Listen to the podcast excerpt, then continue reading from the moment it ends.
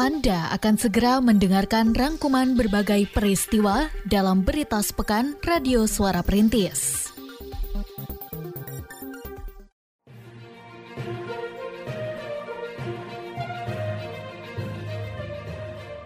Berita sepekan Radio Suara Perintis FM Kota Sukabumi.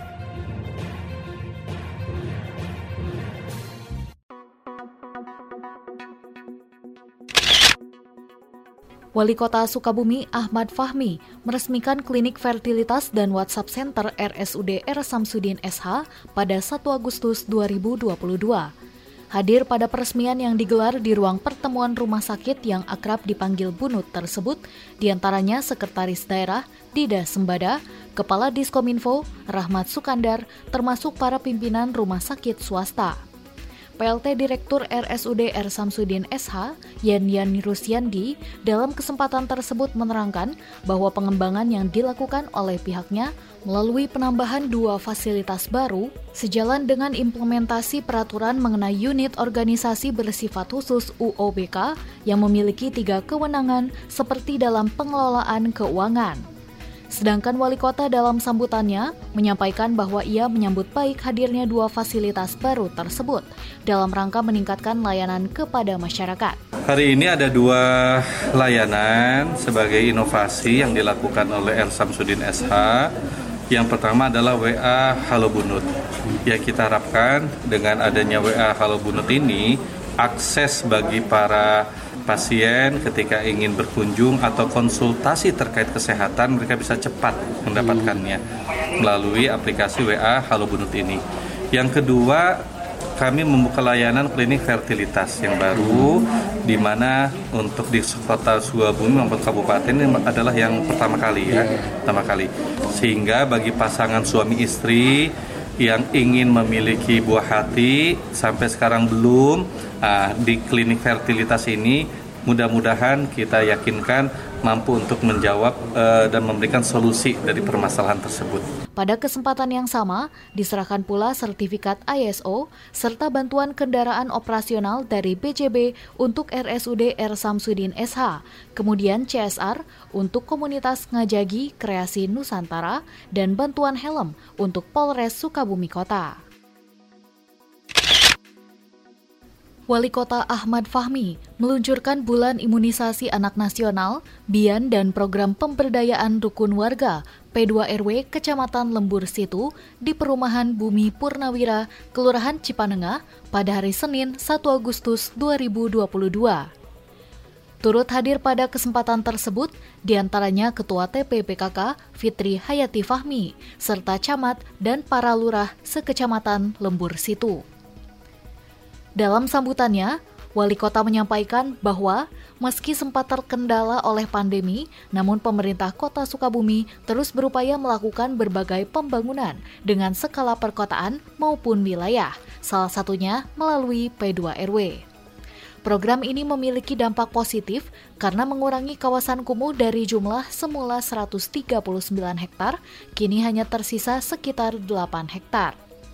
Sedangkan sekaitan imunisasi, ia mengharapkan semua warga yang memiliki anak usia 9 sampai 59 bulan dapat mengikutinya sehingga mereka bisa menjadi anak yang unggul, kelak dan terdepan dalam menjawab berbagai tantangan.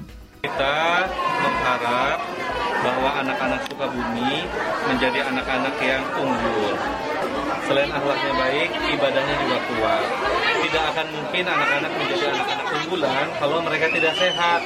Bian adalah salah satu cara bagaimana kita mampu menghadirkan anak-anak Sukabumi yang sehat dengan empat kriteria tadi. Mudah-mudahan dengan pencarian ini, maka anak-anak Sukabumi nanti menjadi anak-anak yang unggul dan terdepan menjawab tantangan zaman.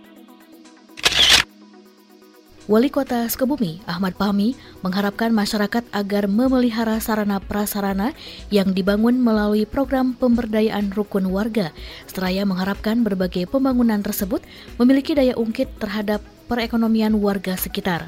Hal tersebut disampaikannya dalam peluncuran P2RW dan Bulan Imunisasi Anak Nasional Kecamatan Wardoyong pada hari Rabu 3 Agustus 2022 di kampus PSI.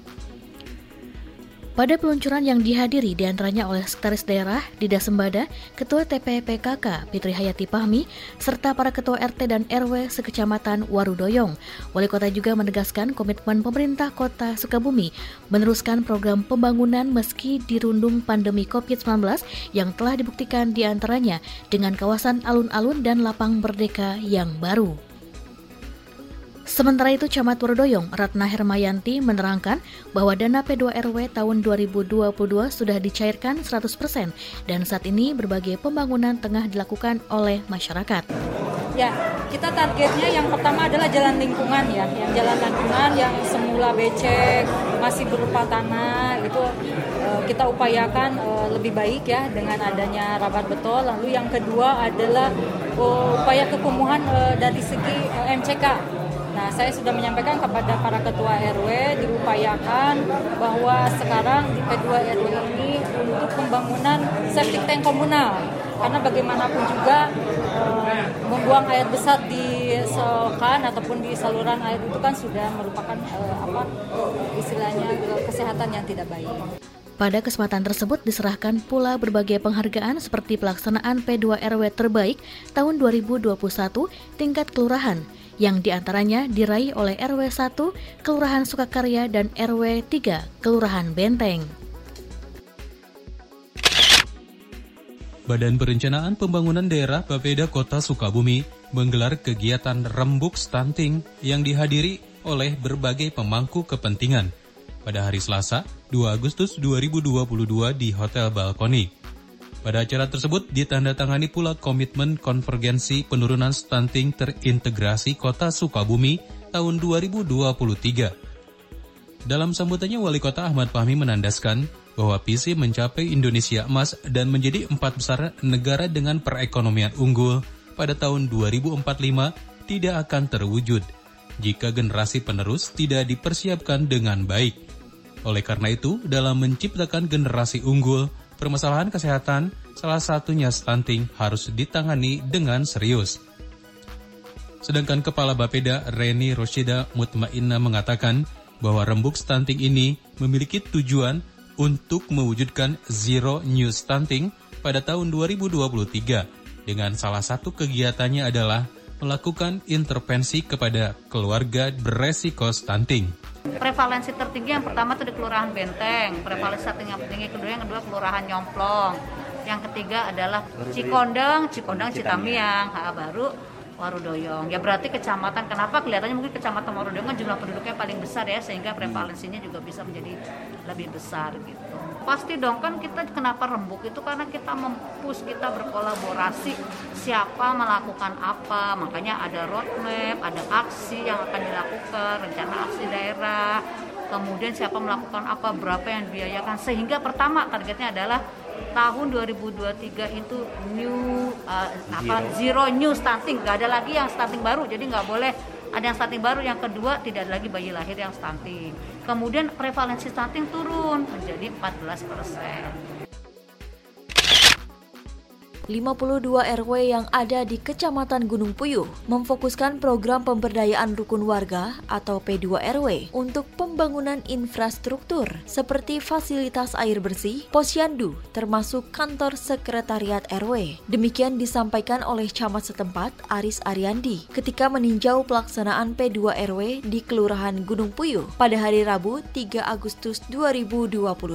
Ia menyatakan bahwa untuk memastikan program ini berjalan berjalan dengan baik. Pihak kecamatan telah melakukan pengawasan di setiap kelurahan sejak beberapa waktu lalu. Dari hasil pengawasan tersebut, dapat disimpulkan pelaksanaan P2 RW telah mencapai 90% dari target dan tanpa kendala apa pun. Uh, memang kita kemarin sepakat dari empat kelurahan ini, dari 52 RW yang ada di Kecamatan Gunung Puyuh, kita memfokuskan ke infrastruktur transportasi. Yeah. Tapi alhamdulillah dari 52 eh, RW ini ada beberapa yang ke kesehatannya. Ada yang pembangunan pos yandu, kemudian ada yang pembangunan pos RW-nya, kemudian ada yang sarana air bersihnya, kemudian ada kalau kita presentasikan kemarin tuh 79% ke infrastruktur, sisanya ke non fisik dan sisanya ke uh, kesehatan. Sedangkan Lurah Gunung Puyuh Erwan Hermawan mengatakan untuk tahun ini sesuai dengan usulan masyarakat, P2RW lebih banyak dimanfaatkan dalam peningkatan kualitas jalan. Kelancaran program ini juga didukung oleh keterlibatan aktif masyarakat yang menunjukkan antusiasme mereka serta ikut berswadaya dalam pelaksanaannya. Alhamdulillah pada hari ini kita melaksanakan monitoring salah satunya untuk Kelurahan Gunung Puyuh kita melakukan uh, monitoring 3 RW sebagai sampel untuk P2RW ini. Hmm. Adapun monitoring ini dilihat dari tahun-tahun ke belakang hmm. uh, untuk P2RW sekarang semakin lebih meningkat karena dari yang dilaksanakan dari awal daripada rembuk warga sampai terjadi proposal sehingga menjadi pengajuan ke program pembangunan P2RW Alhamdulillah sudah berjalan dengan lancar. Adapun pembangunan-pembangunan yang dilaksanakan ini salah satunya juga ada peran swadaya masyarakat yang memang begitu signifikan kepada pembangunan P2RW ini. Pemerintah Kota Sukabumi menjalin kerjasama dengan PT KAI terkait peningkatan koneksitas transportasi publik. Kerjasama tersebut dituangkan dalam nota kesepahaman MOU yang ditandatangani oleh Wali Kota Ahmad Fahmi dan Eksekutif Vice President Daop 1 PT KAI Suryawan Putra Ria pada hari Kamis 4 Agustus 2022 di Balai Kota. Penandatanganan tersebut dihadiri pula oleh Sekretaris Daerah beserta jajaran organisasi perangkat daerah OPD lainnya. Wali kota dalam keterangannya menyampaikan bahwa kerjasama ini sejalan dengan semangat pemerintah daerah untuk terus melakukan penataan kota, salah satunya dalam sektor transportasi. Dipilihnya PT KAI sebagai mitra kerjasama dikarenakan penataan transportasi publik di sekitar Pasar Pelita akan diprioritaskan dengan tujuan memberikan kenyamanan bagi para penggunanya. Nah dalam kesempatan ini kenapa kita kerjasama dengan PT KAI? Karena stasiun kereta dan PT KAI ini menjadi salah satu leading utama kita ingin menata koneksitas transportasi publik di seputar wilayah Pasar Pelita. Mudah-mudahan kalau sudah terkoneksitas dengan baik antara kedua belah pihak, transportasi publik kita menjadi semakin nyaman dan ramah ke depan. Sementara Eksekutif Vice President Daop 1 PT KAI mengatakan pihaknya menyambut baik inisiatif pemerintah kota Sukabumi karena stasiun kereta api merupakan salah satu gerbang masuk ke wilayah kota sehingga diperlukan penataan yang baik serta berdampak pada peningkatan jumlah kunjungan maupun layanan kereta api. Sedangkan ketika ditanya mengenai penataan kawasan di sekitar stasiun, ia menerangkan bahwa tahun ini akan disusun Detailed Engineering Design atau DED dan tahun 2023 akan dimulai pengerjaan penataan. Jadi eh, pertama kami sampaikan terima kasih kepada Wali Kota ya atas eh, inisiatif eh, dan dorongannya, supportnya terkait dengan rencana eh, integrasi transportasi ya. Eh, ini sangat sangat apa ya sangat bagus ya. Karena pada akhirnya ini akan memberikan uh, kualitas pelayanan di tetapi akan semakin meningkat karena pelanggan kita juga banyak dan stasiun Sukabumi adalah salah satu pintu gerbang ya dari kota Sukabumi uh, untuk uh, pengunjung ya yang datang maupun yang berangkat ke kota yang lain dan dengan adanya integrasi ini masyarakat akan terlayani dengan baik ya. Samping juga penataan stasiun yang tadinya kumuh ya jadi lebih bagus lagi dan transportasi masyarakat akan lebih mudah. Sekitar 30 orang anak usia 9 sampai 59 bulan mengikuti imunisasi di Posyandu Tunas Harapan 8B di RW 8 Kelurahan Karamat pada hari Jumat 5 Agustus 2022. Pelaksanaan imunisasi tersebut ditinjau langsung oleh Camat Gunung Puyuh, Aris Ariandi, beserta Lurah Karamat Nandar Sudrajat. Ketua RW setempat, Kosasi Fasal, menerangkan bahwa pihaknya melalui kegiatan ini berupaya untuk ikut menyukseskan Bulan Imunisasi Anak Nasional atau BIAN yang telah dimulai di kota Sukabumi sejak awal Agustus. Dijelaskan pula, untuk menarik minat peserta, setiap anak yang mengikuti imunisasi diberikan bingkisan berupa mainan dan makanan. Jadi mudah-mudahan ini bisa jadi contoh juga yang lainnya bahwa membuat kita gembira dan nanti anak-anak RW 8 khususnya menjadi anak-anak yang kekebalan tubuhnya terjaga. Sedangkan Lurah Karamat menjelaskan bahwa di kelurahannya sasaran imunisasi dalam Bian adalah sebanyak 471 orang anak dan pada saat bersamaan imunisasi juga dilakukan di Posyandu 6C dan 8A. Ia juga menyampaikan bahwa pihaknya mengerahkan para kader posyandu untuk mengajak masyarakat mengimunisasi anak mereka sebagai salah satu upaya untuk mencapai jumlah sasaran yang ditentukan. Sementara Camat Gunung Puyuh pada kesempatan tersebut mengharapkan bahwa melalui bulan imunisasi, setiap anak di kecamatannya dapat tumbuh sehat sesuai harapan. Adapun seperti ditambahkannya, untuk target peserta imunisasi sekecamatan adalah sebanyak 2.295 balita. Eh, Alhamdulillah kalau saya lihat hari ini antusias warga, khususnya yang punya balita, anak usia 9 bulan sampai 29 bulan itu antusias untuk uh, datang ke posyandu. Kegiatan ini terselenggara Pertama, karena untuk melengkapi imunisasi pada anak yang ada di lingkungan kita. Kalau jumlah sasaran yang ada di Kecamatan Gunung Puyuh yang berada di dua puskesmas di Kecamatan Gunung Puyuh yaitu Puskesmas Cikarang dan Puskesmas Tengah, totalnya itu ada 2.295.